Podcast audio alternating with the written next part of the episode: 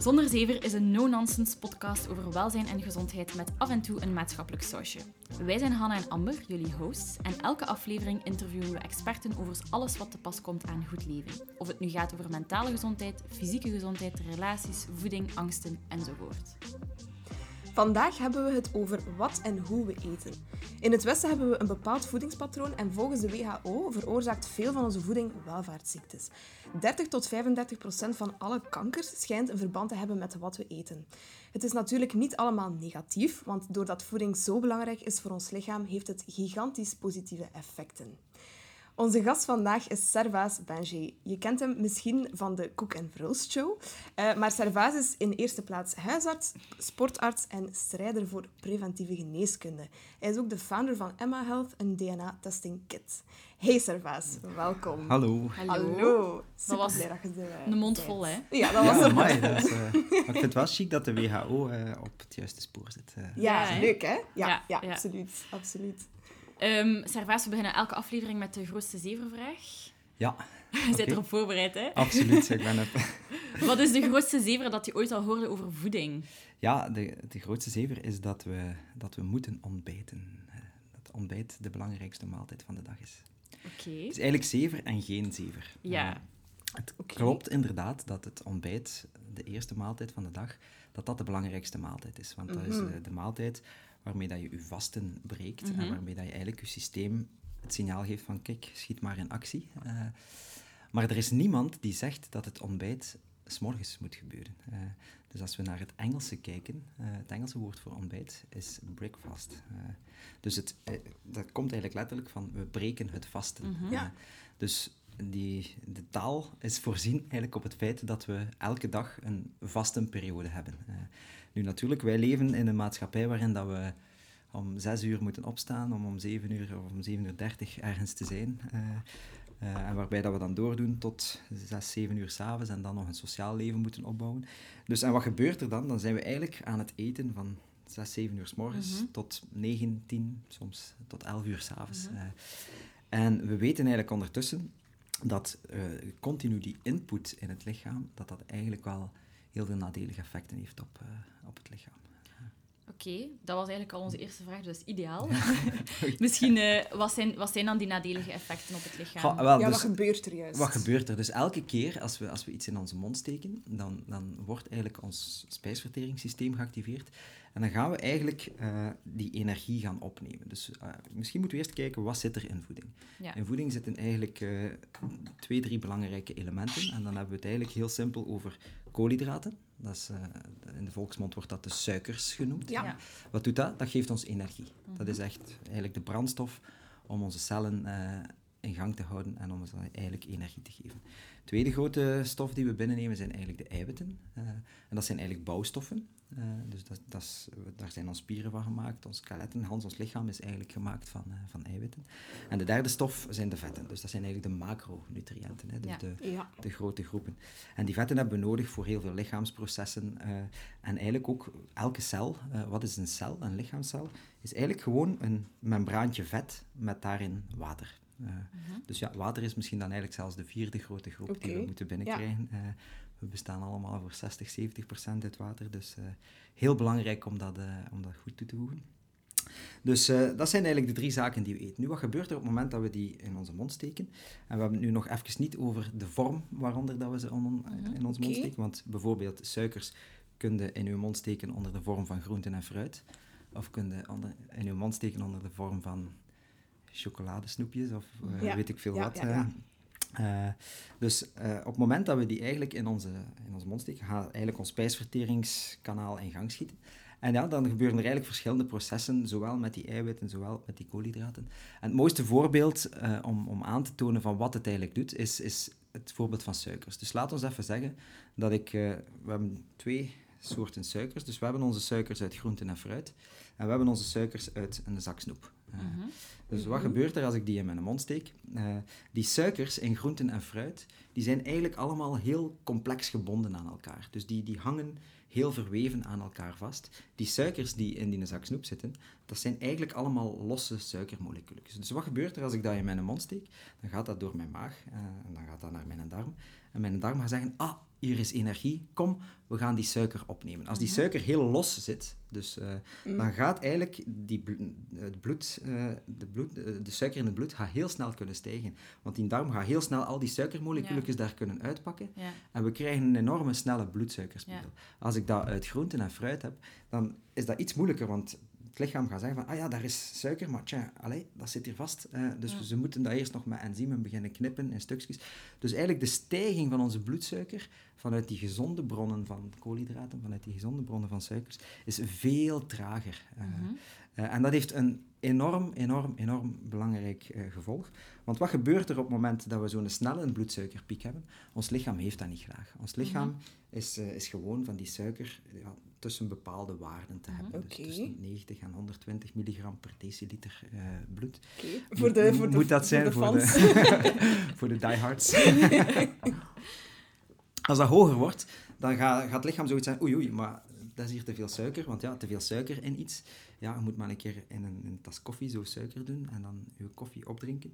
Ja, op het einde heb je soort Ja, zo residu. gekarameliseerde Ja. smurrie of uh, residu. Residu is misschien een mooie woord. uh, heb je zo wat residu.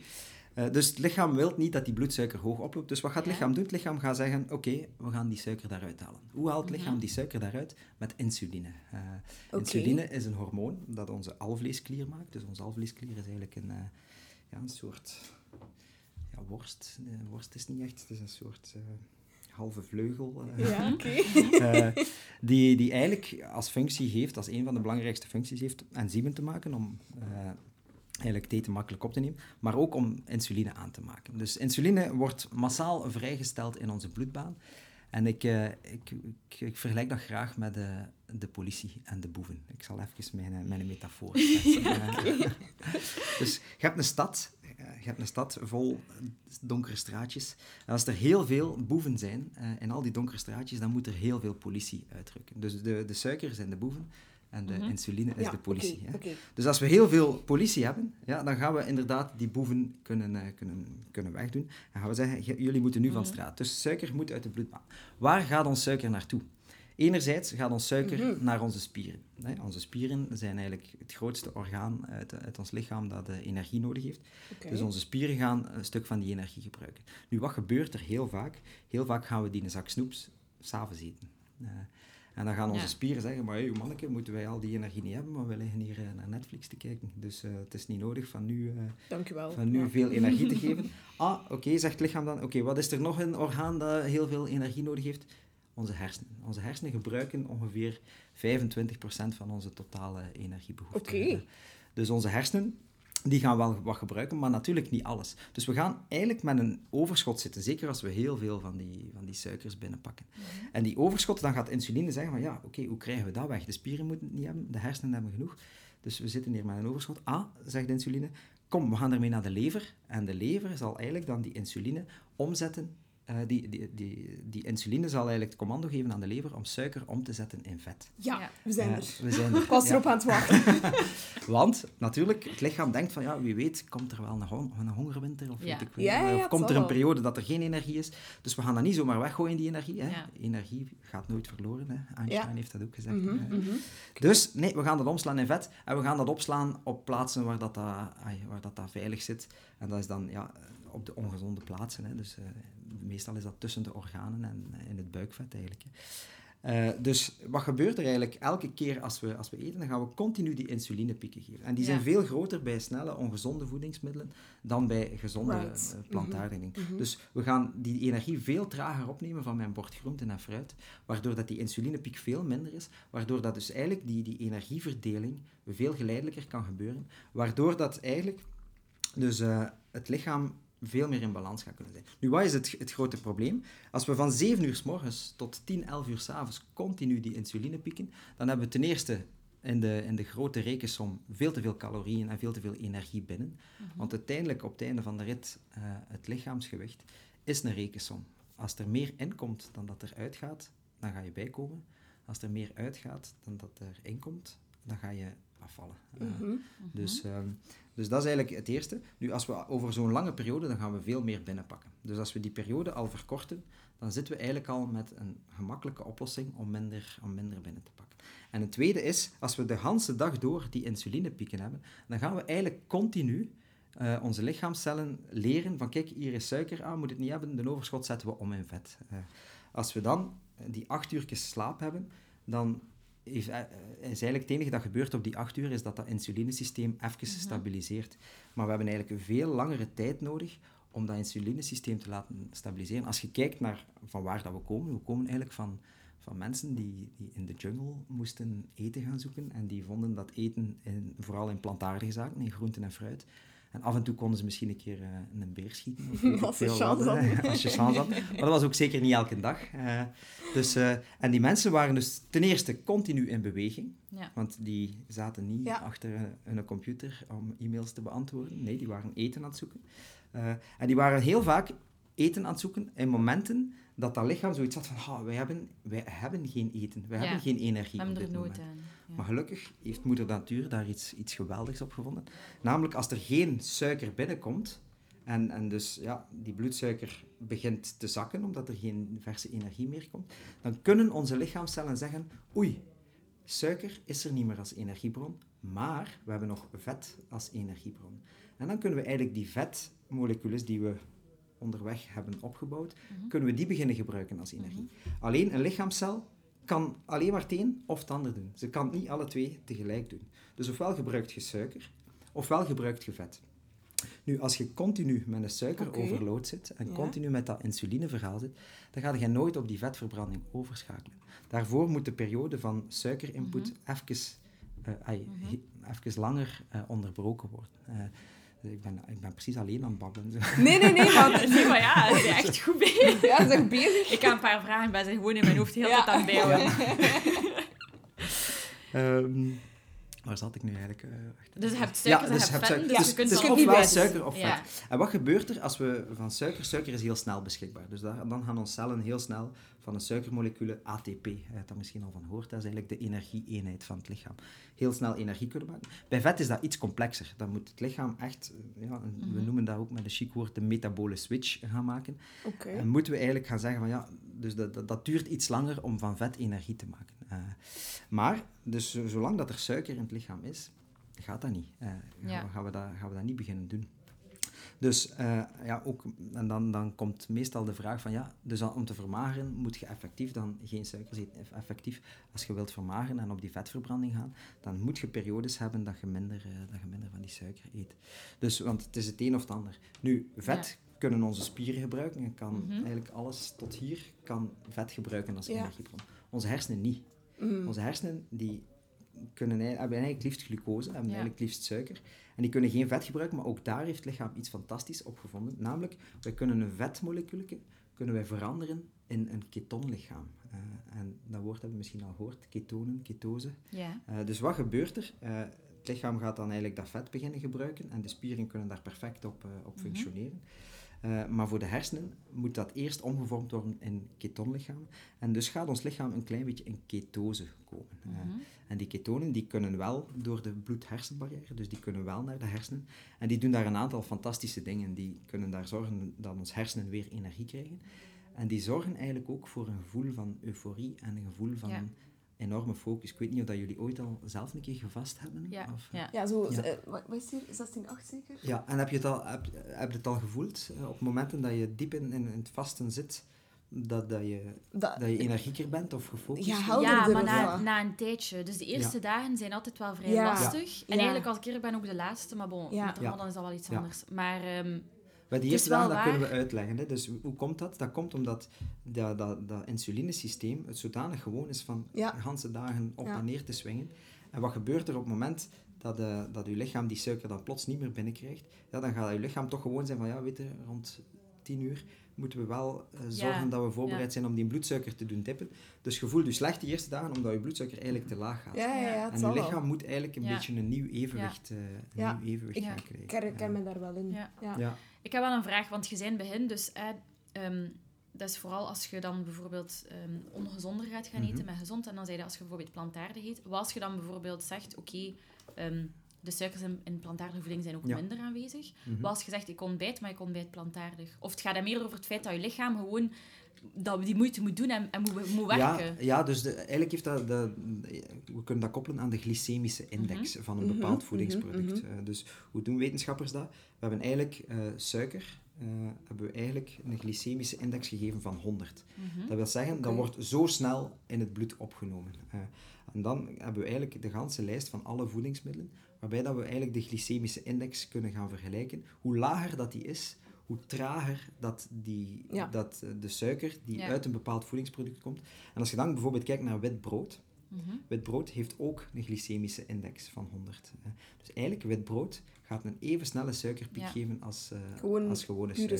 suiker. Dus eigenlijk is wit brood het equivalent van, van suiker. Als we dan gaan kijken naar bijvoorbeeld havermout of een Mhm. appel of eh, ja, eh, bladgroenten en zo, Mhm. dan, dan zijn, die getallen, zijn die getallen veel Ja. lager. Maar het is dus niet dat je dat allemaal Dus- kunt eten s'morgens en dat je dan oké bent. Ja, in principe wel. Hè. In principe kun je perfect al die suikers uit, uit, eh, uit, uw, uit uw plantaardige bronnen gaan halen. Maar waarom zou je dan intermittent vasten doen? Ja, mijn, om, om mijn- het systeem dan stil te Ah, leggen, ja. om het systeem te laten rusten. Want sowieso, als ik een appel eet, eh, wat dan een lagere glycemische index heeft, maar ik ga daar ook een insulinepiek van krijgen. Ja. Dus een appel is gezond. Eh, en de suikers die daarin zitten zijn aan vezels gebonden, waardoor dat een darm ze niet zomaar eruit kan pakken. Ja, ja, ja. ja, Maar het blijft, het blijft toevoer van suiker, dus op een bepaald moment gaat het lichaam daar insu- met insuline op reageren. Maar wat, wat, wat, wat hebben we nu geleerd? Als we periodes hebben dat we geen input hebben, dus dan, dan gaat dat hormonaal systeem echt kalmeren. En krijgen uw lichaamcellen, en dat is vooral het belangrijkste, krijgen uw lichaamcellen de tijd om een keer zonder suiker te vallen. En om te zeggen van, ah, maar we hebben nog een energiebron. We hebben nog vet ook. eh. Ja. En je creëert eigenlijk, je cellen gaan een soort metabole flexibiliteit creëren, waardoor dat ze heel snel kunnen switchen. Heel veel mensen die, die al 30 jaar Ja. aan het eten zijn, van 6 uur s morgens tot, tot 10, 11 uur s avonds, kunnen dat niet meer. Die, dat, dat lichaam, eh, als- dat plots geen suiker meer krijgt, dan die- gaan zich slecht voelen. Ja. En die afkikverschijnselen, dat, zijn, dat zijn geen zuivere afkikverschijnselen zoals, zoals een verslaving. Er zit wel een stuk ook in de hersenen en in de dopamine, want suiker eh, gaat ook wel een beetje dopamine vrijmaken, maar daar zullen we het misschien straks over hebben. Ja, ja. Maar er zit ook een heel groot stuk in, in zuivert gewoon het insulinesysteem. Dus ja, ons, dus ja, veel mensen die dan zeggen van ja, maar die 16, 8, als ik niet ontbijt, ben ik niet te genieten. Hè. ja. Eh, en effectief, dat klopt, hè, want die mensen gaan de eerste dagen echt swings Cranky hebben hè, en, ja. en, eh, en bloedsuikerdips hebben. Hè. Dus die, Ja. die bloedsuiker gaat op een bepaald moment onder die 90 komen. En ja, dan, dan, dan, dan zijn moe, hè. dan zijn jij, heb jij die een brain fog en zijn jij niet gefocust. En dan kun je twee dingen doen. Ofwel eten dan een Mars of een Snicker en dan Ja, is het ja, niet ja. weer opgelost. Maar heb je een uur en een half later hetzelfde, want het lichaam gaat weer insuline op die Mars eh, gaan... eh, ik word niet gesponsord, hè, maar... Eh, dat is het ene dat je kunt doen. Ofwel wacht je af en laat je lichaam even de tijd geven om naar die vetverbranding over te schakelen, Ja. waardoor dat je die andere energie Maar het is wel zo. Allee, want Ja. ik zal even... Ik ben... oh, ik noem mezelf altijd suikerverslaafd. Mhm. Ehm, omdat ik heb altijd super hard mee gestruggeld. Zo. Ja. Oh, suiker. Ik ook, en- hè. Oh my god. En echt zo... Ik ga het niet doen. En dan uiteindelijk zo... Oh, ik ben, Ja. ben- je hebt dat nooit gehad. Maar ik wel. En ik heb gezegd van... Oké, het is goed. Weet je wat? Ik zal het een keer, ik zal het een keer proberen. Intermittent Ja. En effectief na een paar dagen... En dat is nu echt niet gezeverd omdat we Ja. deze aflevering doen. Maar effectief na een paar dagen had ik het gevoel dat mijn cravings veel Ja. minder Ja. waren. Maar En in de eerste dagen had ook hoofdpijn, hè? Ja. Ja, crazy. Ja, maar je kunt van alle klachten Ja. hebben. Je Ja. kunt hoofdpijn hebben, Ja. je kunt vermoeidheid, spierpijn, eh, echt moedswings. eh, Ja. Ja. Dus eh, dat is, dat is eigen aan, aan die hormonale Ja. Ja. swings. Die, die Dus eigenlijk het stabiliseert, dus ehm, intermittent fasting, of, of ja, eigenlijk je, je Ja, time window Ja. krimpen, Ja. Mhm.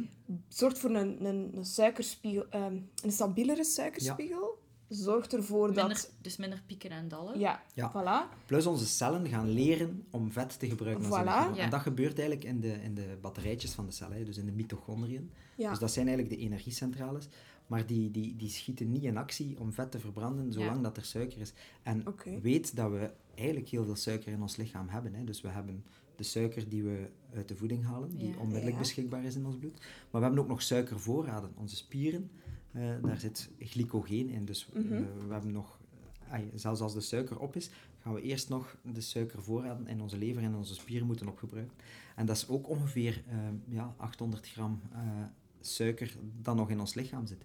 Dat is heel, heel opvallend bij, bij van die crash-diëten, waarbij dat mensen dan plots enkel sapjes of enkel mm -hmm. Selder of zoiets beginnen, beginnen eten. Ja, die gaan, die gaan twee, dan gaan we twee dingen zien. De eerste twee, drie dagen gaan die mensen enorm veel naar het toilet moeten. ja. Dus die gaan enorm veel gaan plassen. En waarom is dat? Dat is omdat 1 gram suiker is in het lichaam altijd gebonden aan 2 gram water. Ah. Dus het eerste dat gebeurt als je enkel selder eet, of niks meer eet, uh, is eigenlijk dat die suikervoorraden gaan opgebruikt worden. Dus per gram suiker dat, dat ik dan uit mijn spieren haal, dan ga ik 2 gram water verliezen. Nu, ik zeg dat we 800 gram hebben, en, en voor uh, grote mensen kan dat tot een kilo zijn. Uh, maar dus die 2 gram water daarbij, dat is 3 kilo. Voilà. Dus de eerste 3 kilo die je in zo'n crash-dieet verliest, heeft niks met vetverlies te maken. Okay. Dus, en dan pas, maar het is eigenlijk pas als je die 3 kilo al kwijt bent, dan is er effectief plots geen suiker meer. En dan kan je lichaam in die metabolische Dus waarom ben ik zo'n voorstander van dat 16-8 verhaal? Uh, omdat ten eerste, dat is niet te extreem. Uh, je hebt heel veel extremere vormen van vasten. Je hebt, uh, Misschien moeten we even zeggen, 16, 8 ja. is dus 16 ja. uur niet eten, 8, een, een ja. window van 8 uur wel eten. Maar die window kiest je wel zelf. Die je kunt bijvoorbeeld zeggen van 7 uur s ochtends tot, even rekenen. Het, dus je kunt effectief het ontbijt overslaan of je kunt het avondmaal overslaan. Mm -hmm. om sociale redenen kies ik er vaak voor om het ontbijt over te ja, slaan. Nu met de lockdown was dat, was dat vaak anders, eh, omdat de sociale redenen volledig weggevallen zijn. en, en voelde ik voor mezelf ook, als ik mijn laatste maaltijd rond vier uur s middags eet, dat je met een, eigenlijk een leeg gevoel uh, of, of een, een, een, een, leeg lichaam in je bed kruipt. En eigenlijk is dat ook nog gezonder, want ja. slapen doen we veel beter als we niet overvet ja, uh, zijn. Ja, dus uit, dan, en dan komen natuurlijk alle andere pijlers. Hè. Dus, uh, want het lichaam voilà, voilà. werkt en functioneert als één geheel natuurlijk. Dus, um, maar dus inderdaad, uw food window pakken op 8 uur en dan 16 uur uw lichaam de kans geven om te rusten. En waarom die 16-8? Omdat die 16-8 eigenlijk een, een mooie verdeling is om elke dag een klein beetje van die voordelen te hebben, mm -hmm. zonder heel extreme dingen te moeten ja. doen. Dan kunt je perfect ook, je zou drie dagen kunnen vasten. Mm -hmm. uh, maar wat gaat er dan gebeuren? Ja, dan gaat je inderdaad al je suikervoorraden kwijt zijn en dan gaat je heel extreem zijn en dan gaat je de kans op overeten of het ontwikkelen van eetstoornissen op lange termijn ja. ook veel groter worden. Bij 16-8 eigenlijk durf ik gerust zeggen dat dat een heel veilige manier is om alle benefits uh, van het vasten te plukken, zonder dat het eigenlijk moeilijk is, want het is eigenlijk gewoon één maaltijd overslaan. Uh, uh, mm -hmm. En ja, in die acht uur mogen jij zorgen dat je lichaam goed gevoed is. Ja. Uh, maar ook niet wolf eten, toch? wel, als je Liefst- acht pizza's gaat eten, Ja. uh, elk uur een pizza gaat eten in die acht uur, dan, Nee, dan gaat het ook, niet, gaat het nee. ook minder gezondheidseffect hebben. Ja. Maar het zal nog altijd gezonder zijn dan als je acht pizza's eet op, uh, op 20 uur. Uh, dus. Ik heb ook gelezen in uw boek dat ehm, intermittent fasten, of gewoon vasten in het algemeen, Mhm. dat dat chronische aandoeningen zoals hart- en vaatziekten en diabetes vermindert. Waarom is Ja. dat? Tell us. Wel, er zijn heel veel studies uh, verschenen die eigenlijk het verband tussen, tussen die chronische aandoening, diabetes uh, op de eerste plek, maar dan eigenlijk ook hart- en vaatziekten. Uh, dat heeft eigenlijk te maken met het ontstekingsmechanisme van het lichaam. Dus een lichaam dat continu in die high insulin of high fat state is, dat, is, uh, ja, dat gaat eigenlijk het lichaam in, in ontsteking gaan drijven. Nu, de grootste gemene deler van al die chronische aandoeningen, of dat we het nu over, over ziekte van het zenuwstelsel, van, van Parkinson tot Alzheimer, uh, hart- en vaatziekten, wat dat Mhm. eigenlijk ontsteking is van de, van de bloedvaten. Uh, Mhm. En die Ja. bloedvaten die ontsteken, die zwellen een klein beetje op. Wat gebeurt er met bloedvaten die wat gezwollen zijn? Ja, die passage is minder. Ja. Dus daar komt rapper een keer een microscopisch scheurtje in die vaatwand. Wat gebeurt er als er iets scheurt in het lichaam? Dus als ik hier een mes pak en ik snij in mijn, Ja, in mijn de ik, ga, het- ga, ga niet doen. Maar, uh, dan gaat mijn bloed stollen. Ja. Want Ah, ja, anders blijf ik bloeden. Dus dat gebeurt ook Ja. met die microscheurtjes Ah in ja, de zo, ja, ja, bloedvaten. ja, ja, ja. En Dus zo krijg je klonters Er komt een klontertje op en, er komt een, en op, aan die klontertjes, als mijn, mijn, mijn slechte vetten in mijn bloed dan nog te hoog zijn, ja, die blijven daar heel graag aan plakken aan die klontertjes. Oké. En zo krijg je eigenlijk eh, een bloedvat dat, dat, van zo, ja, dat helemaal dicht Ja. zit. En die slechte vetten, sorry, is dat dan de cholesterol waar je over Dat is spreekt? onder, onder andere de cholesterol, de Ja. LDL-cholesterol. Ja. dus de, de, de, Ja. En ook diabetes. Diabetes, de bloedvaten van de pancreas, dus van die alvleesklier, als die dichtslippen, gaan ons lichaam slechter kunnen insuline produceren, waardoor dat de bloedsuiker altijd maar hoger wordt, waardoor dat ons bloedvatensysteem één grote residu of één groot karamel uh, Ja. Systeem slurry wordt, ja. of zoiets. Eh, dus eigenlijk de gro- dus als we een stap terug gaan van chronische ziekte, want wij dokters, ai, wij, wij spreken altijd van ziektes. Mhm. En ziektes hebben dan hun labeltjes met die symptomen, het is die behandeling. En, eh, Ja. Maar eigenlijk, eigenlijk is dat verkeerd. Eigenlijk moeten we dat anders doen. Eigenlijk moeten we... Ja, oké, die ziektes zijn belangrijk en, en het is belangrijk om er een label op te plakken om te weten wat er juist gebeurt. Mhm. Maar de onderliggende mechanismen zijn eigenlijk te herleiden tot, tot een aantal kernconcepten die voor heel veel chronische aandoeningen hetzelfde zijn. En dat is hormonale ontregeling. En Mhm. ja, het Oké, insulinesysteem hebben we al uitgelegd. Mhm. Dat is laaggradige ontsteking. Dus eh, een lichaam Eigenlijk Ja. chronische ontsteking ja, chronische ontsteking, ja. Ja. Eh, dus, eh, en, en, ja, dus ik heb u uitgelegd op bloedvatenniveau wat dat, dat doet. Als die ontsteking rond mijn hersencellen gebeurt, ja, dan gaan die hersencellen minder gaan functioneren en dan kan dat verband houden met de ziekte van Parkinson, de ziekte van Alzheimer en zo. Mhm. Eh, als dat gebeurt op mijn longen, dan krijg ik chronische bronchitis. Als dat Mhm. gebeurt op mijn spijsverteringscellen, ja, dan krijg ik een, een leaky gut of dan krijg ik zo'n een, Ja. spastische, spastische darmen of darmklacht.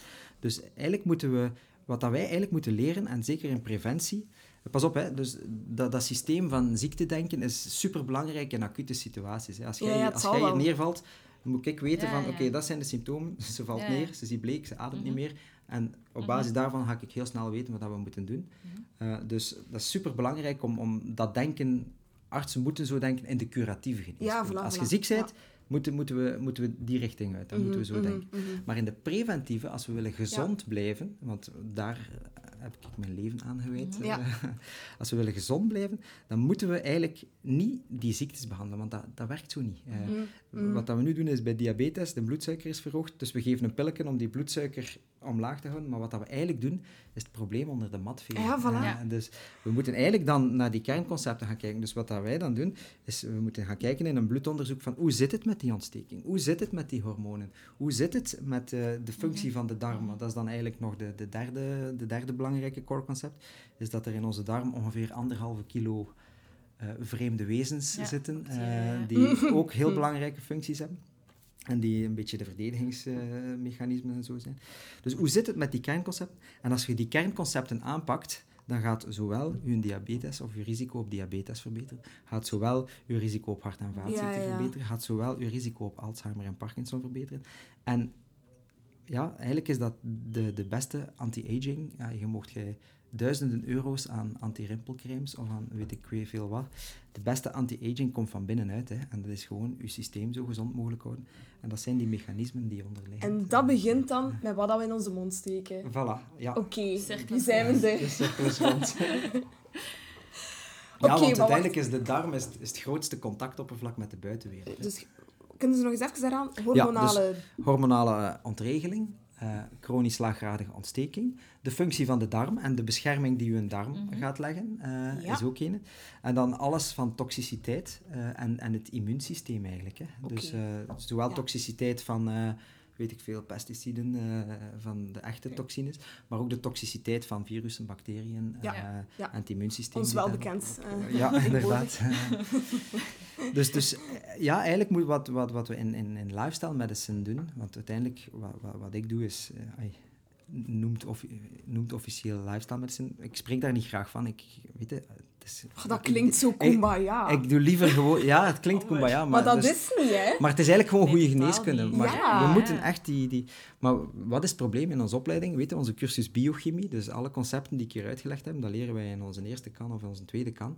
En tegen dat wij ooit een patiënt, eh, bij een patiënt aan zijn bed staan, zijn we dat natuurlijk al allemaal vergeten. Hè. Ja, het is zo. dus, eh, Ja, en het is, het is ook gemakkelijker om een... Allee, dat, dat gaat nu super hard door de bocht klinken, maar een lijstje van symptomen te gaan onthouden versus, ja, ja.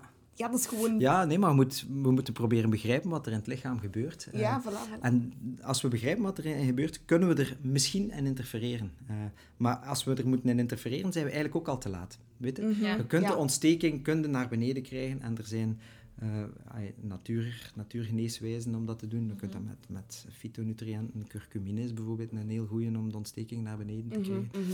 Eh, maar eigenlijk is dat zelfs ook al een stap, een stap te laat. Als je het echt wilt vermijden, moet je voorkomen dat eigenlijk dat lichaam in die ontsteking Ja. eh, gedreven wordt. En hoe drijven we ons lichaam in ontsteking? Door te weinig te slapen, door niet te bewegen, door ongezonde voeding te eten. Ja. En Dus, het is eh, te frequent. Dus eigenlijk dat intermittent fasting gaat ervoor zorgen dat je je ontstekingsgraad ook naar beneden ja, haalt. absoluut. Ja. Dus het heeft, eh, eh, ze hebben, ze- ik heb een, een voorbeeldstudie die nu in mij opkomt. Is, waar- waarom? Omdat ik ze... Ik vond dat een superleuke studie. En ik, Oké. ik heb een zeer visuele geest. Dus, ze, ze hebben eigenlijk proefpersonen hebben ze een, een dikke barbecue stick laten eten. Eh, en ze hebben Mhm. eigenlijk de ontstekingsparameters ervoor in kaart gebracht en zes uur later nog een keer.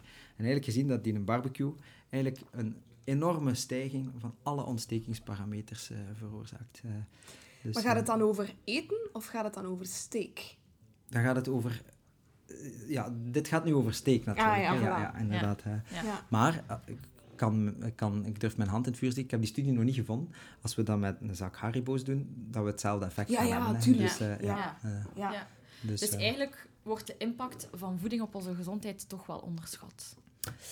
eh, ja, ja, zeker en vast. Het wordt onderschat door, door veel mensen, maar het wordt ook al op waarde geschat door heel veel mensen. En je voelt dat die groep wel groter wordt. Ja. Eh, Mhm, mhm. maar natuurlijk, het, het is niet gemakkelijk. Hè. Het is, Eh, ja, ik het, je eh, zeggen, dat is niet simpel, hè? Ik ben, vorige week ook eh, even op reis geweest. Eh, je moet maar een keer proberen om gezond te eten als je een reisdag hebt. Eh, Ah ja, als je op een luchthaven... Bijna ik heb er eigenlijk niks gevonden dat, dat, dat eigenlijk gezond was. Ja. Eh, dus dan is vasten natuurlijk een heel makkelijke strategie, want dat is een, Ja. plan dat zodanig in dat je niet moet eten als je onderweg bent. Eh, Ja. Ehm, maar ja, onze cultuur... Eigenlijk zijn we een beetje het slachtoffer van de cultuur. Hè. Biologisch is ons lichaam gebouwd om in grotten te wonen en om... eh, om eh, niet te nu... eh, Ja, om voeding te gaan zoeken. Hè, en om voeding te moeite gaan zoeken, om moeite te doen, om te bewegen, om te jagen, om, Voilà. om inspanningen te doen. En die biologie is in de voorbije duizenden jaren nog niet veranderd. Wat is er wel veranderd? Plots zijn die grotten weg, plots is die jungle weg. En plots hebben we om de twee minuten ofwel een, Toegang, een ja. automaat, een frisdrankautomaat, eh, of, ehm, of een, een warenhuisketen, of weet ik veel wat. En hebben we altijd eten ter beschikking. Mhm. En daar zit dus een enorme discrepantie tussen, tussen die Mm. twee. Eh, en wil dat nu zeggen dat we, dat we onze cultuur moeten afschaffen? Nee, maar we moeten er ons wel bewust van worden. En ik denk dat die beweging wel komt. Ja. Eh, weet je, als, je- als je zou zien in welke wereld dat ik groot geworden ben, ik ben eh, van de 80s, hè. Dus, dan, als je dan, ja, weet je, dan, dan is de... Dan Dat is zijn de- allemaal opgekomen, hè? dat is allemaal- ja, dan was het eerst de, de richtlijnen van het klavertje 4 van de voeding, eh, de schijf van 5 en al Oh, van dat die zaken. Eh, ja, wel, dus, eh, wij zijn, vanaf de jaren 70 zijn wij rond ons oren geslaan met voedingsrichtlijnen. Op een bepaald moment, en dat is, dat is misschien een leuke anekdote, in de jaren 50 was er een president in Amerika die eh, een hartinfarct kreeg. En de wetenschappers onmiddellijk op hun achterste poten. Ja, dat is van eh, te veel vet te eten. Eh, dat die mens, eh, dat was president Eisenhower, denk ik, dat die mens een hartinfarct... Dus ja, Hans, maatschappelijk debat in, in de jaren 50. Van ja, oké, we moeten alle vetten afschaffen. Wat is er dan gebeurd? Dan is de light-beweging gekomen. Ah, ja. Dus plots is alles light geworden. Maar om iets lekker te houden, dat industrieel gemaakt wordt, wat hebben ze gedaan? Ze hebben eigenlijk de sticker light erop geplakt. vooral op de, op de voorkant. Want eigenlijk, als je een voedingsproduct wilt bekijken, op zijn kwaliteiten moet je vooral naar de achterkant, naar de kleine Ja, lettertjes ja. kijken, Ja. eh, op dat voedseletiket. Zo alle grote slogans die erop staan, die zijn meestal een beetje bij het haar. Dus om light lekker te houden, moet er heel veel suiker in. Dus eigenlijk, wat, wat is er gebeurd? De, de vetten zijn inderdaad verminderd in de voeding, maar de suiker is enorm, enorm omhoog gegaan. Maar uiteindelijk geeft dat even slechte effecten. Ben ik dan meer een, een, een vetmens of, of een suikermens? Nee, want balans, Ja, eh, balans ja, moet het ja. zijn. Eh, weet je, er zijn vetten die goed zijn voor ons, er zijn Mhm. ook heel veel vetten die slecht zijn voor ons. Eh, dus, en dan, dan is eigenlijk zo continu die discussie beginnen gevoerd geworden. En er staan daar een, een, een paar heel leuke documentaires op Netflix over, die, die eigenlijk continu zo, ja, het, is, het moet dat zijn, het moet dat zijn, het moet dat zijn, het moet dat, het moet dat zijn. En wij zijn zo in die dieetcultuur terechtgekomen en in die, ja, hoe noem ik, hoe, moeten we dat noemen? Ja, zo in dat constant bekvechten eigenlijk, hè, want Ja. iedereen zit constant te bek te vechten over, eh, is dat te bekvechten? Nee, niet.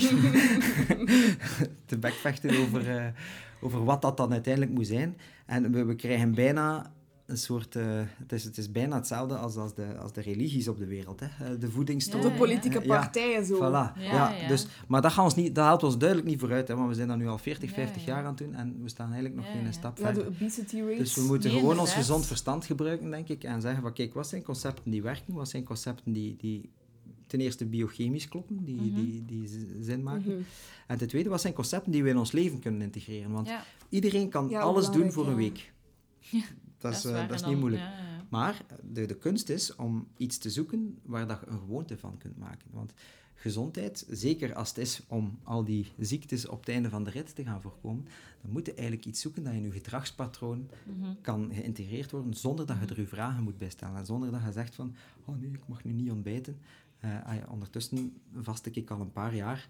En ik ben nu, kijk, dat is nu heel toevallig, vorige week ben ik op reis geweest eh, met, met een aantal vrienden. En we daar heb ik niet gevast. Mhm. En ik was echt blij dat ik terug thuis was. Dat ik zoiets had van, oh, kijk, Ik mag er vast. ik moet nu niet ontbijten. Ja. Pas op, ik heb er dan ook wel van genoten, maar we hebben het wel gezellig gemaakt Ja, natuurlijk. ja. Maar, eh, eh, dus, dus voor mij is, is, is het vasten eigenlijk een tweede natuur geworden. Waarom? Omdat voor mij een strategie is die heel goed werkt. Eh, eh, ik heb vroeger altijd met mijn, met mijn gewicht gesukkeld. Super ongezond geleefd ook, als arts. Hè. Je studeert dan zeven jaar en je bent de meest ongezonde mens. En dan stel je toch vragen van, ik moet hier wel uitleggen aan de mensen hoe dat Mhm. ze het moeten doen. En ze kunnen het, ze kunnen het eigenlijk zelf niet.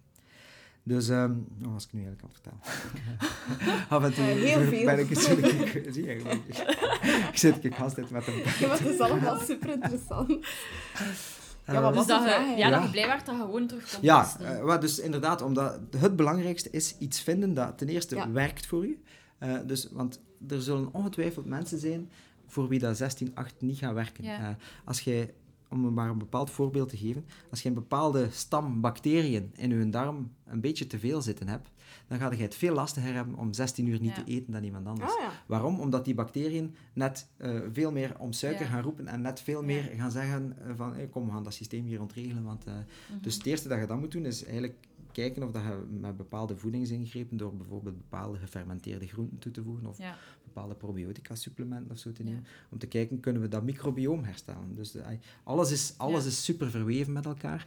Dus het gaat niet om één waarheid. Alles, e- eigenlijk is alles, alles waarheid, maar we moeten altijd kijken naar, naar ja, voor wie is het, kunt het in je leven integreren. Mhm. En je ziet dat ook komen eigenlijk. Hè. De, de, de geneeskunde van de toekomst dat wordt veel preventiever, eh, wordt eh, participatiever. We gaan, we gaan Ja. dat met z'n allen doen. Wordt predictief, want we gaan in plaats van te wachten op dat iemand Ja. ziek wordt, gaan we proberen voorspellen eh, Ja. voordat iemand ziek wordt. En ehm, dus preventief, en gepersonaliseerd. Dat is eigenlijk de vierde P, dus de Ja. P4 medicine. Dat is een, Ah, fantastisch interessant concept.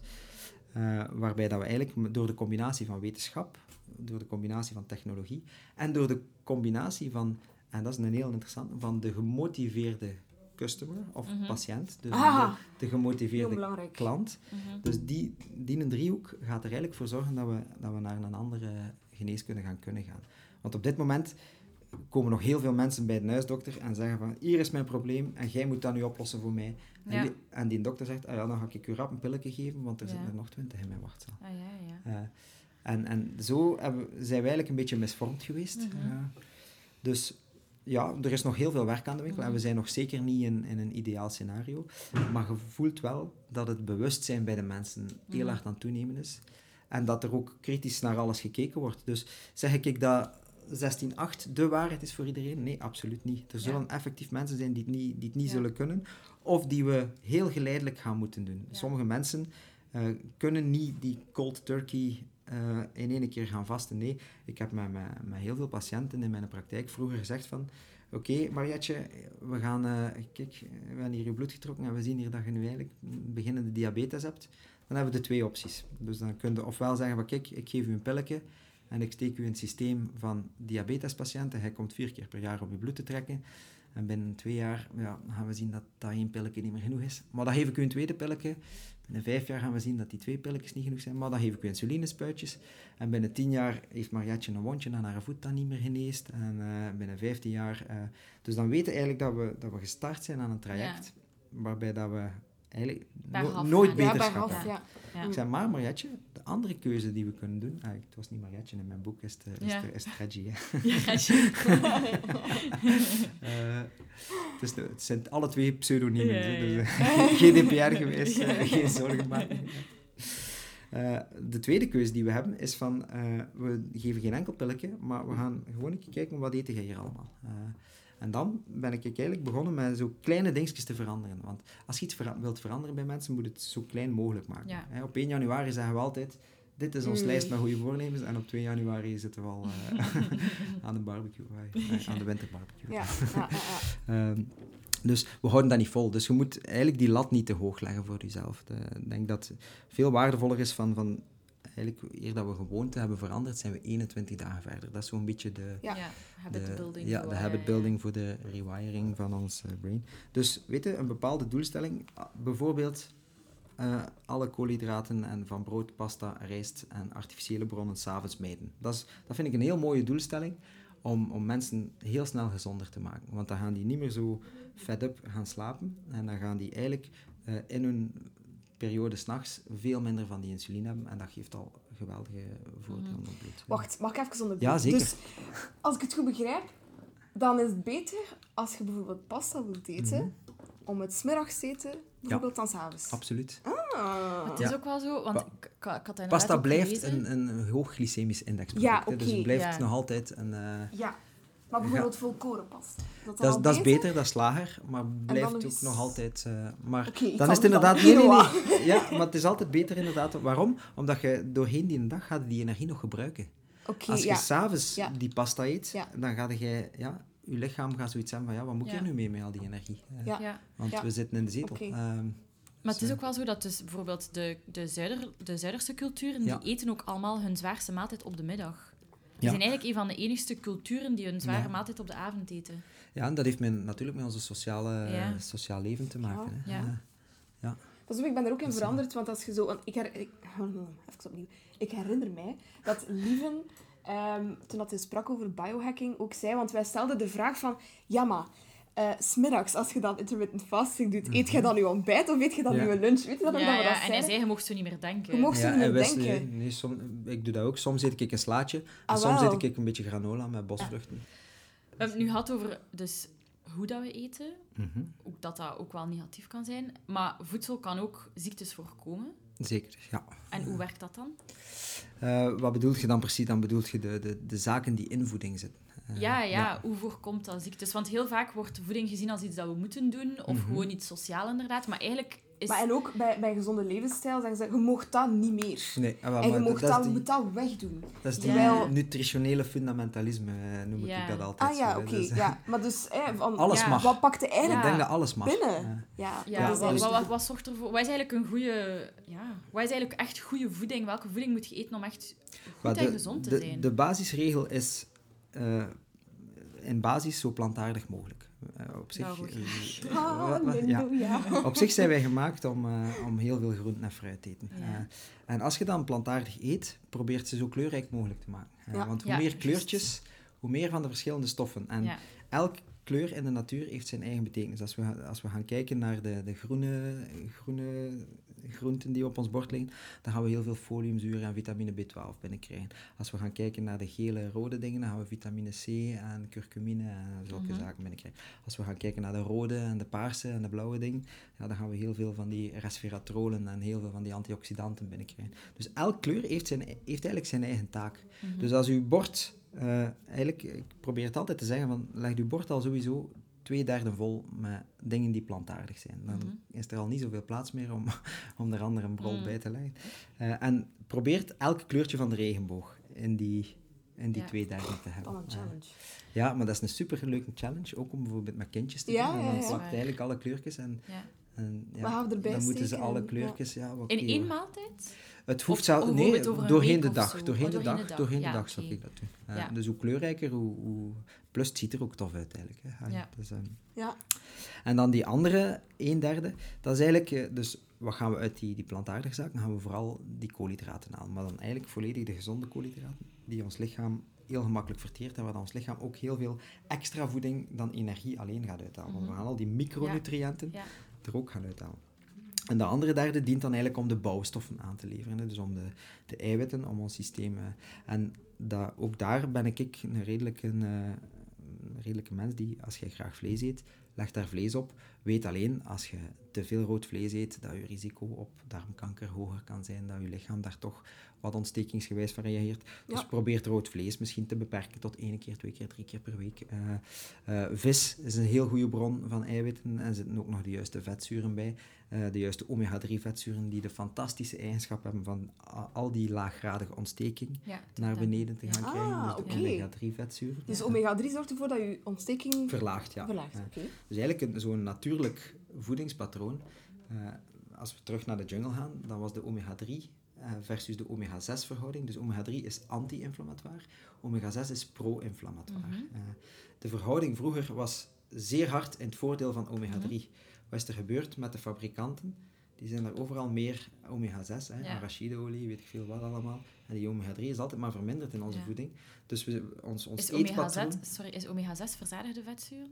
Nee, het zijn Nee. onverzadigde vetzuren. Onverzadigde vetzuren, ja, dus, eh, dus we hebben twee soorten vetzuren. Ik zal Hans het vet, Ja, vetverhaal ja. uitleggen. Oké. Ik heb eh, interesse in dat vet we hebben zetten. The Good, The Bad en The Ugly. Ja, oké. Ken je die film? Ja, van naam.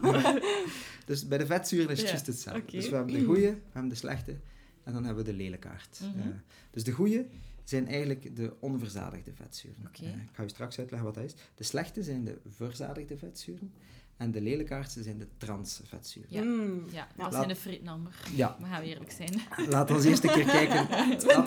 20-80 regel. Laat ons eerst een keer kijken naar wat, wat is een vetmolecuul eigenlijk. Ja. Dus een vetmolecuul is eigenlijk, ja, de, de beste vergelijking is eigenlijk, dat ziet eruit als een spermacel. Oké. Dus dat heeft een kop en een lange staart. Mhm. Ah ja, Ja, oké. zo, zo zie je een vetmolecuul er eigenlijk uit. Die staart die kan ofwel heel recht zijn, of die een staart kan een bocht maken. Mhm. Als die staart heel recht is, dat is een verzadigd vetzuur. Oké. Eh, als die staart een bocht maakt, is het een onverzadigd vetzuur. Hoe zien we het verschil? Dat is microscopisch het verschil. Hoe zien we het verschil in onze keuken? Dus als een vet vast is bij kamertemperatuur, is het meestal verzadigd.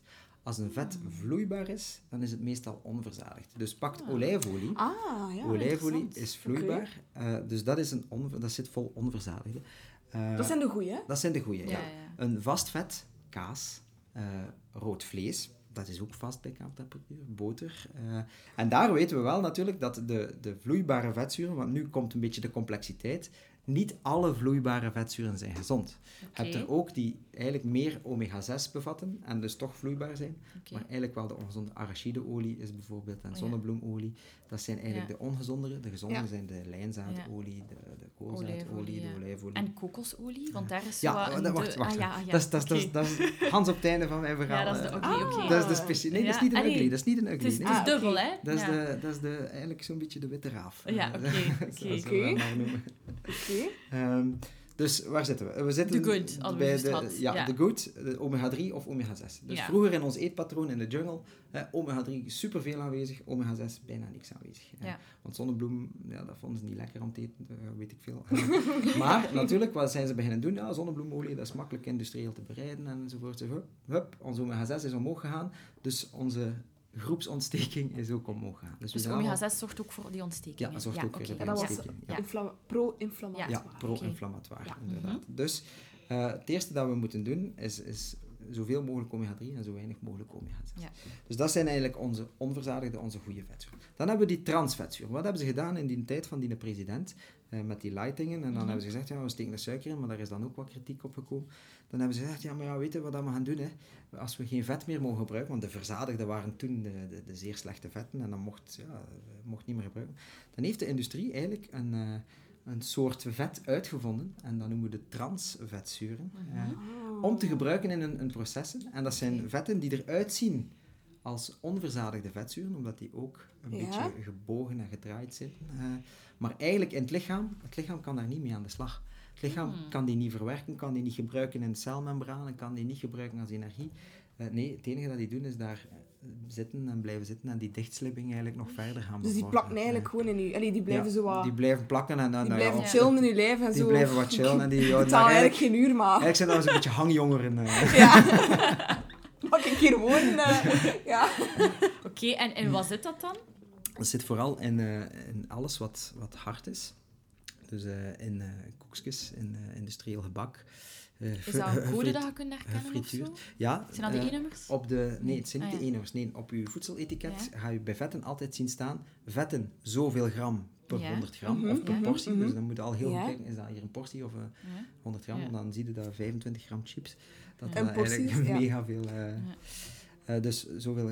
En dan staat daar waarvan verzadigde zoveel gram, waarvan onverzadigde Ja? en waarvan transvetten. Trans, Nu, gelukkig, de laatste jaren zijn we ons daarvan bewust geworden dat die transvetten eigenlijk echt mensen dood doen. Dus eh, de, de, de, voedingsindustrie, de, de industriële guidelines zijn veel Ja. strenger geworden. En je, je vindt die niet in de natuur en ik denk dat je die nu ook minder en minder in de supermarkt eh, gelukkig begint te vinden. Ja. Dus transvetten zijn niet meer zo'n probleem. En dan hebben we onze witte raaf nog. Hè. Eh, Dus Ja, we, zijn nog mee, want het is... Ja, ja, En zijn dan hebben we ook nog de... We hebben de good, the bad en de En de ugly. ugly, ja, de ugly zijn die trans. Ah dat zijn die transvetten. ja. En dan hebben we de witte raaf, die zo Ja. een beetje overal tussen, tussen gaat surfen. Dus dan hebben we het, het kokosverhaal. Dus Ja. wat is kokos? Ja, want dat is toch hip, hè? Dat is toch trendy hè, Ja. tegenwoordig? Dus Ja, want het is kokosvet, dubbel. eh, Ja. het is, is dubbel, inderdaad. Dus kokosvet is eigenlijk een verzadigd vet. Mhm. Dus is Ja. eigenlijk, ja, toch zit eerder bij de bad dan, Ja. dan bij de good. Maar één van de vetzuren van kokosvet is eigenlijk de, eh, een vetzuur dat ja, eigenlijk zo medium lengte is. Dus Mhm. je hebt korte vetzuurtjes, je hebt lange vetzuren. eh, maar in dat kokosvet zit er één bepaald vetzuur dat MCT noemt. Dus MCT-olie, medium chain triglyceride. Dus, en dat is eigenlijk een vetzuur met supergezonde eigenschappen. Waarom? Omdat dat komt in ons lichaam en ons lichaam kan dat onmiddellijk als energie gebruiken. Dat dient ook een beetje als trigger om tegen ons mitochondriën te zeggen ah, kijk, we gaan jullie leren om vet te gebruiken. Eh, in. Silicon Valley is dat een enorme hype geweest, dat die, de mannen eigenlijk het goede vet, dus enkel de MCT-olie, Mhm. in een tas koffie drink- deden Wow. en, en daar eigenlijk, eh, het eigenlijk een beetje als room in de koffie Ah. gebruikten. En dat smaakte dan wel eh, een beetje naar kokos. Dus eigenlijk is, is kokosvet gezond. De kokoshype snap ik heel goed. Want ja, daar zit een vetzuur in Mhm. dat, dat heel gezond is. Maar om nu enkel kokosvet in grote hoeveelheden te gebruiken, dan ga je eigenlijk de nadelen van de verzadigde Ja. vet te veel gaan meepakken. Ja. Oké. dus dat is ontsimpeld houden. Hè. Dat, is, Ja, dat dat ja. zo in elkaar zit. Oh my. Oké.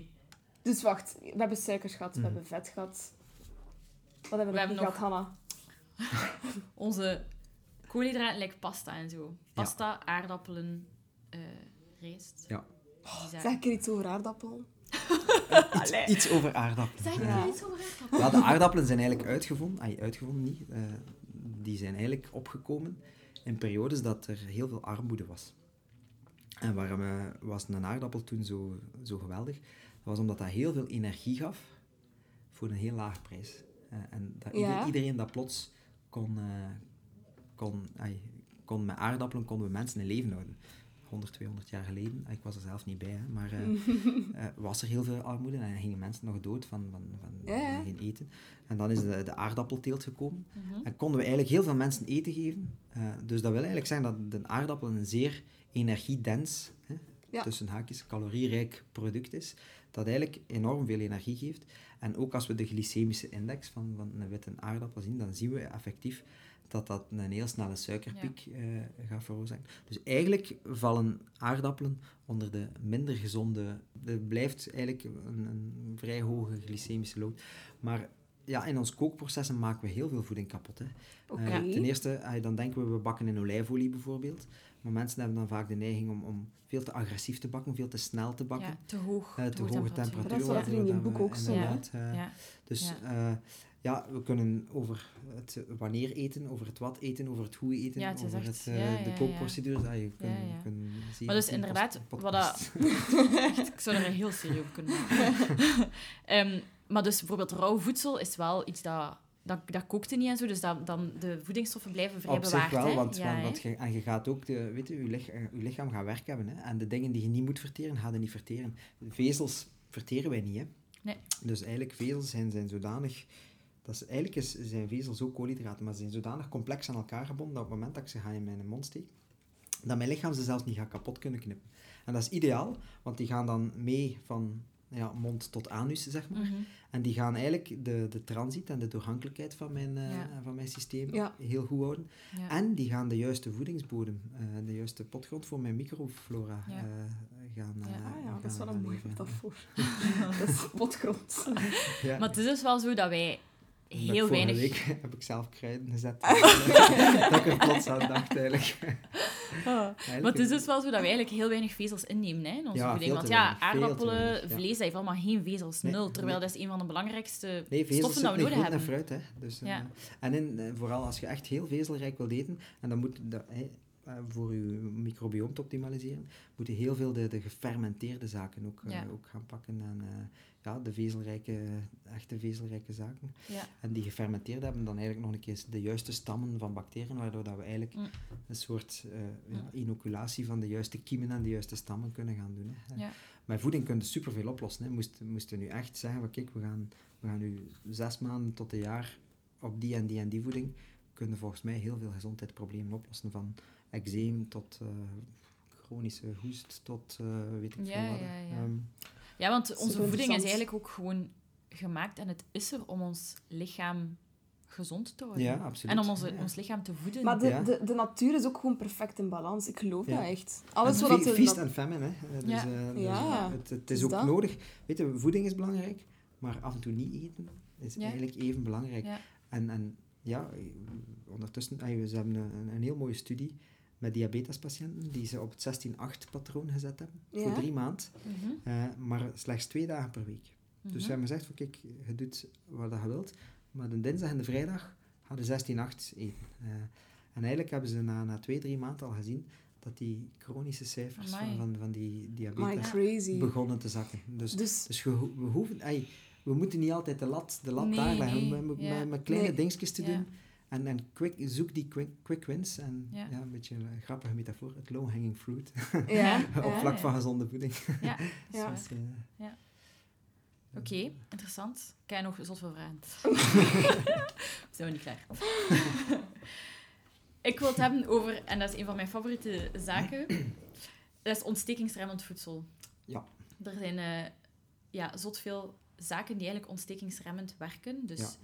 Ik ga niet zeggen dat je geen pillen moet pakken als je met ontsteking in je lichaam Mhm. zit, maar er zijn heel veel zaken die dat kunnen voorkomen. eh, Ja, curcuma is een Dus- van de... Dat is curcuma, ja, staan, curcuma, ja. Dat is een van de voedingsstoffen met de me allee, een van de Dus dat soorten met de meeste ontstekingsremmende Dus Ja, dat voilà, werkt dus dat- ja, echt. Ja, en, en 100%. zelfs op genniveau. Eigenlijk is dat Ja, dat is gendoping.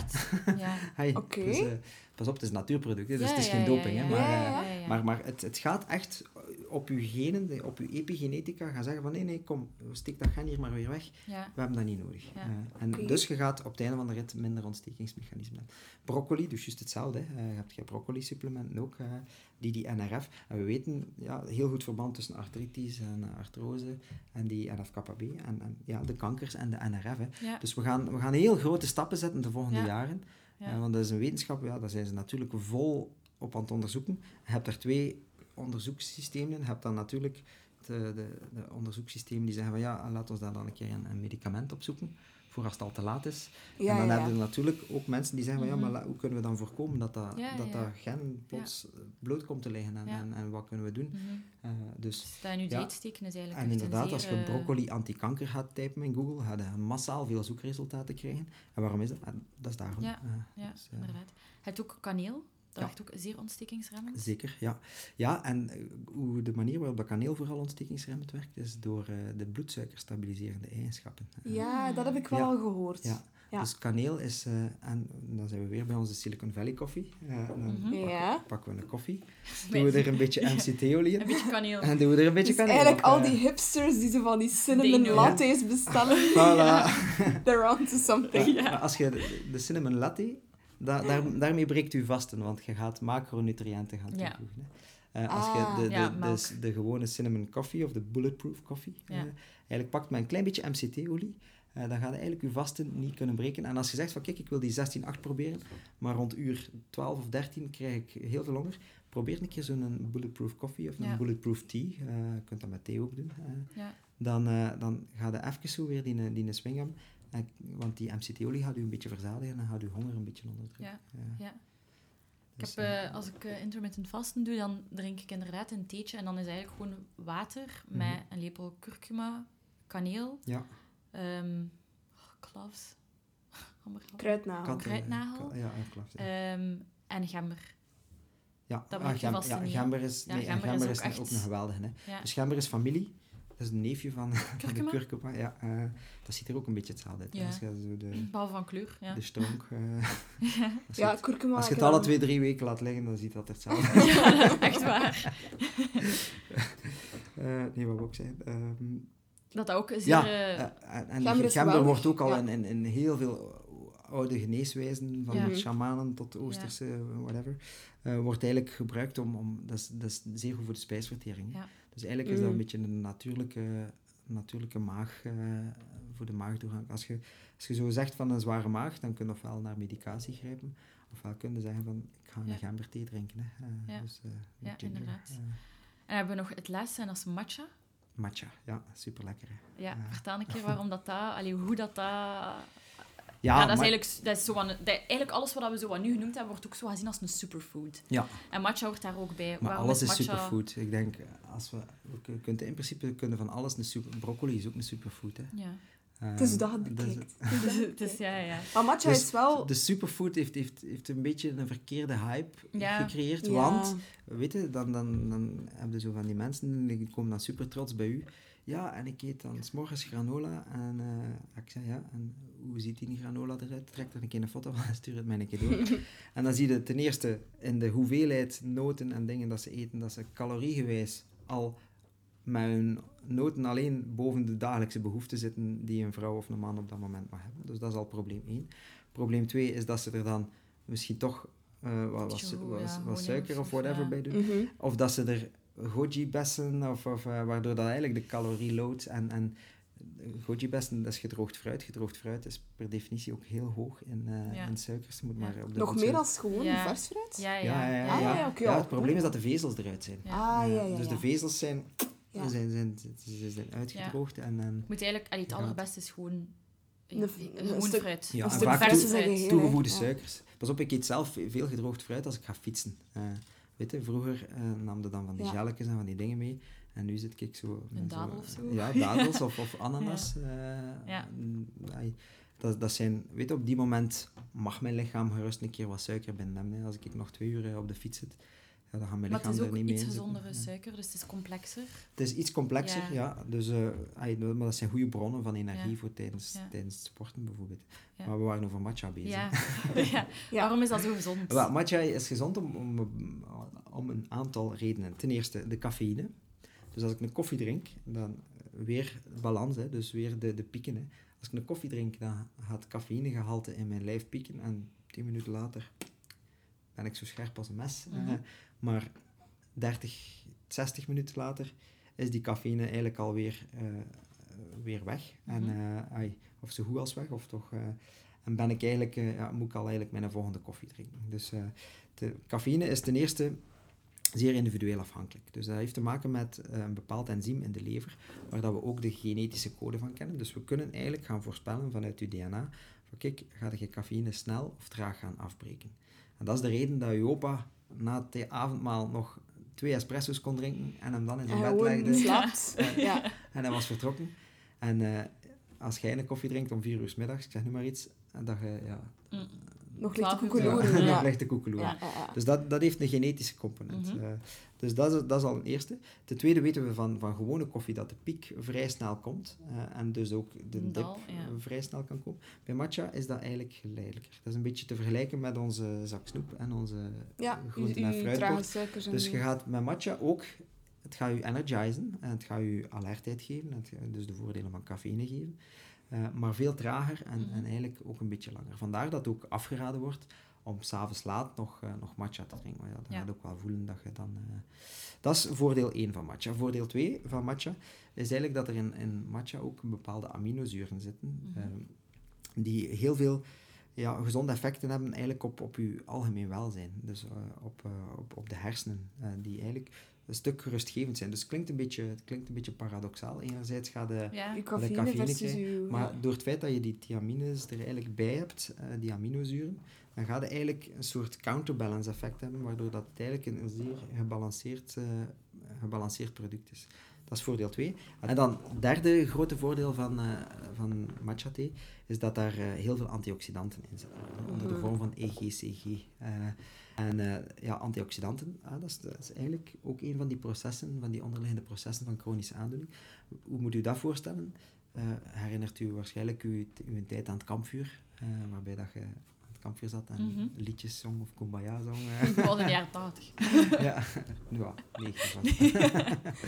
Eh, en dat je dan zo van die glinstertjes had die uit het vuur Ja. sprongen en gaten branden in uw trui. Eh, Ja. dus wat, Mhm. dat zijn, wat dat, dat is, dat zijn eigenlijk vrije radicalen. In ons cellen gebeurt hetzelfde. Onze cellen gebruiken ook zuurstof, hè, dus dat hout verbrandt. Dus een verbranding is het gebruiken van zuurstof en Mhm, warmteproductie. Mhm, mhm. In ons cellen gebeurt hetzelfde. Dus dat is eh, ook een verbrandingsproces.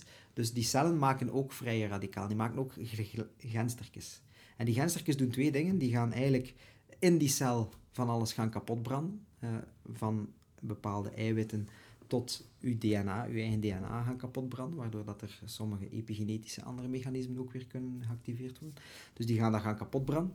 En ehm, dan eh, gaan die ook de, de cellen die ernaast liggen. En dat is een van de grootste concepten in het verouderingsproces. eh, is het Mhm. feit dat die vrije radicalen Hmm. eigenlijk ons eigen Ja. systeem kapot maken. Ja. Eh, dus nu, wat, wat hebben we nodig om die vrije radicalen eh, te vangen? Ja, hebben we eigenlijk vrije radicaalvangers nodig. Mhm. En dat zijn antioxidanten. Ja. Dus vitamine C is een heel belangrijk antioxidant, vitamine E, eh, glutathion. Eh, maar wat weten we? Dat die EGCG ook een fantastische antioxidantencapaciteit heeft. Dus die kunnen ook heel hard gaan inspelen. En daarom is, is matcha thee eigenlijk een, een gezond alternatief voor, voor uw koffie, omdat je eigenlijk, ja, je, hebt, eh, je blijft rustig, dus je gaat Mhm. daar veel minder hartkloppingen, veel minder dat opgejaagd gevoel van hebben. Je gaat toch die, die gezondheidsvoordelen eh, van cafeïne, want cafeïne geeft ook, geeft ook wel wat voordelen. Hè. Je- In, in focus en prestatie eh, is cafeïne onomstotelijk bewezen dat dat positief is. En je hebt dan nog een keer die, die antioxidanten. Ah, wow, oké, dus uw Dus vrije radicalen dat zijn... eh, oké. Ja. En dan uw antioxidanten zijn eigenlijk een beetje het leger dat zegt, wow, mannetjes, een beetje Ja. rustig. Ja. Ja, die gaan gewoon Ja. echt die glinstertjes gaan pakken. Hè. Dus dat is, dat is like iemand die Cool. boven dat vuur staat en die zegt van, kom, gaat er niks kapot maken. Ja, Kom Gulde maar bij mij. Ja. oké. Oké. We is hebben ook trouwens- iets mee voor u vandaag. Ah, super. Ja, Ja. want normaal geven wij altijd chocolade eh, voor de gasten. Maar, voor Maar u ja, iets speciaals mee. 99% cacao. Maar ja. Ja, ja, voilà. Eh, nee. We hebben al veel gezien op je sociale media, maar ook, ik heb dat ook in uw boek gelezen, dat je fan bent van matcha. Ja. Ja. Je hebt nu ook gezegd waarom dat, dat zo goed is voor ons matcha. Dus eh, we hebben van de Belgische start-up Matcha Boutique Mat Shots meegekregen. En die zijn nog maar net op de markt, dus je bent een van de eerste die het gaat krijgen. Ja, het is eh, spannend. Ja? Dat is een keer bovenhalen. Matches. Matshots, ja. Wacht, hè. Hmm. En je kunt kiezen, Ja. dus het is niet maar één keer, hè. En je kunt kiezen tussen matcha ginger chili of matcha appelmunt. Welke wil je eerst proberen? Mm, Ginger of... eh Je krijgt ze allemaal sowieso mee, maar... ja, ik, eh, ik ga voor de appelmunt. De appelmunt? Ja. Oké. Mijn favoriet is persoonlijk de ginger chili, gewoon omdat ik echt Je wel... schudden veronderstellen. Ja, je moet wel... Kijk, je ziet van Ja, onder de matcha zit erin. Ja, het is Je zo een soort onder, van... eh, het is eigenlijk omdat matcha, like dat je dat zegt, maar allee, dat is dan vaak in een soort van thee. Dat ze kunnen niet makkelijk on the go meedoen, dus eh, ja, ja, ze hebben daar eigenlijk zo wat iets op gevonden door ja. een soort van... Dus ja. En ehm, ondertussen dat een keer gaat proeven. Ja. Ook de luisteraars van Zonder Zever kunnen Matchot proberen, want met de code Matcha Zonder Zever krijg je 10% op de hele webshop op matchaboutique.eu. En we willen ook zeker nog een keer zeggen, dat is niet gesponsord. We zijn oprecht fan van Matcha Boutique. We zijn gewoon beginnen babbelen met Jonas en Cedric. Ze zijn ook nog maar net bezig. En wat vinden? ja, het is lekker. Ja, hè? Dus, eh, Ja. wel- En smaakt de matcha Ik ga wel? waarschijnlijk niet meer slapen vanavond. maar- ja. Ja, het is... Het Nee, eh, tof. Maar kijk, je hebt er hier nog drie, dus je kunt ze ofwel zelf ja. nog opdrinken ofwel nog delen. ja, dan ga, ga ik nog dagen hebben dat ik eh, energie eh, Voilà. heb. ja, ik vond het wel wijs. Allee, wijs. Ja, leuk. Servaas approved. Ja? En misschien eh, eentje om af te sluiten vandaag. Ehm, behalve matcha dan, wat staat er op uw wekelijks boodschappenlijstje bij u? Op mijn wekelijks boodschappenlijstje. Ja. Ehm, dus wat staat er op mijn boodschappenlijstje? Wat koop ik wekelijks? Dat is eh, eigenlijk toch een halve kar eh, in, de, in de eerste hang. Hè. Dus de Ja. hang Ja, van de groenten en fruit. Ja. En dat dan- is de beste hang. hè? Ja, en- want de ik merk heel vaak dan als ik, als ik dingen uit andere hangen koop, moet ik ze toch eigenlijk heel vaak wegsmijten. Maar, Mhm. dus ik koop nooit... Ik, ik, ik geloof heel hard in het help by design principe. Dus ik koop eigenlijk geen dingen die mij thuis in de verleiding brengen om ongezond te doen. Ja, wa- Ja. wa- wat Ja. bedoelde jij met health by design? Zo... Help by design is eigenlijk, weet je, ik geloof in 80-20 principe. Mhm. Dus Ja. 80% van mijn voedingskeuzes zijn gezond. Mhm. 20% van mijn voedingskeuzes, als je mij zou, zou zien zitten op een terras in Gent en ik zit aan een steak met frieten te eten, dat kan Mhm. perfect gebeuren. Hè. Mhm. Dan zou je zeggen, oh, je zat een ding niet daarover. Alleen hier in een podcast van Als Kon Verkonnen is er gewoon vreemd. voor de dag allemaal zit daar in de bosjes, hè. Dus, maar, weet je, ik heb dat ook nodig. Ik, ik, ik, ik eet Mhm. graag en ik, ik geniet daar ook van om, om zo'n avond. Maar thuis heb ik nooit Ja. brood in huis, ik heb nooit pasta in huis, ik heb nooit snoep in huis, ik heb nooit Ja. chips in huis. Ik koop dat gewoon allemaal niet. Ten eerste is dat vrij gemakkelijk, want je moet die hangen niet door. Eh, het enige dat ik koop, zijn eh, soms een keer een koekje om te gaan fietsen. Ja. Eh, dat ik dat toch een keer sultana oh ja, mag geen merken zeggen. toch een keer jij dat wel zeggen? toch een keer een, ko- een koekje of... eh, ehm, maar voor de rest heb ik het gewoon niet in huis en zit mijn diepvries vol met bevroren groenten. Want ik, groenten kun je invriezen. Als die na de pluk onmiddellijk ingevroren worden, Ja. verliezen die eigenlijk niks aan vitamine. Ja. Dus ik heb altijd eten in huis. Als ik, Ja. ik vanavond zin heb in broccoli, dan ga ik broccoli kunnen eten. Mhm. Ah, ja. Heb ik zin in spruitjes, dan ga ik spruitjes kunnen eten. Heb ik zin in eh, spinazie, dan kan ik spinazie pakken. Eh, Mhm. Oké, cool. Denk niet dat we nog vragen hebben? Ja, ik denk dat we Allee, we nog hebben nog veel vragen, één maar bon, vragen we hebben, zijn bijna al twee uur bezig. We moeten ergens twee uur, amai. Ja, ik denk het ongeveer. Oh my god. Maar ik heb matcha gedronken, dus Voilà. ik kan nog even verder. Oké, ik denk dat we hier gaan afsluiten, Amber. Ja? Ja. Oké. Is goed. Ik vond het een zeer leuk en boeiend gesprek. Ja, het was ja, een lang gesprek, maar Super ja. interessant. voor mij een van de afleveringen waar ik het meest naar uitkeek. Omdat Ja. ik, ja, ik ben zeer into alles met mijn voeding en Ja. al, dus ik vond het wel zeer Ja. leuk. Ehm, via onze blog gaan we zeker ook nog wat artikels delen over voeding. En als je op onze nieuwsbrief inschrijft, dan komen die blogs direct in je mailbox. Vergeet ook zeker niet dat je dus 10% korting krijgt op de webshop van matchaboutique.eu met de code matcha zonder zever.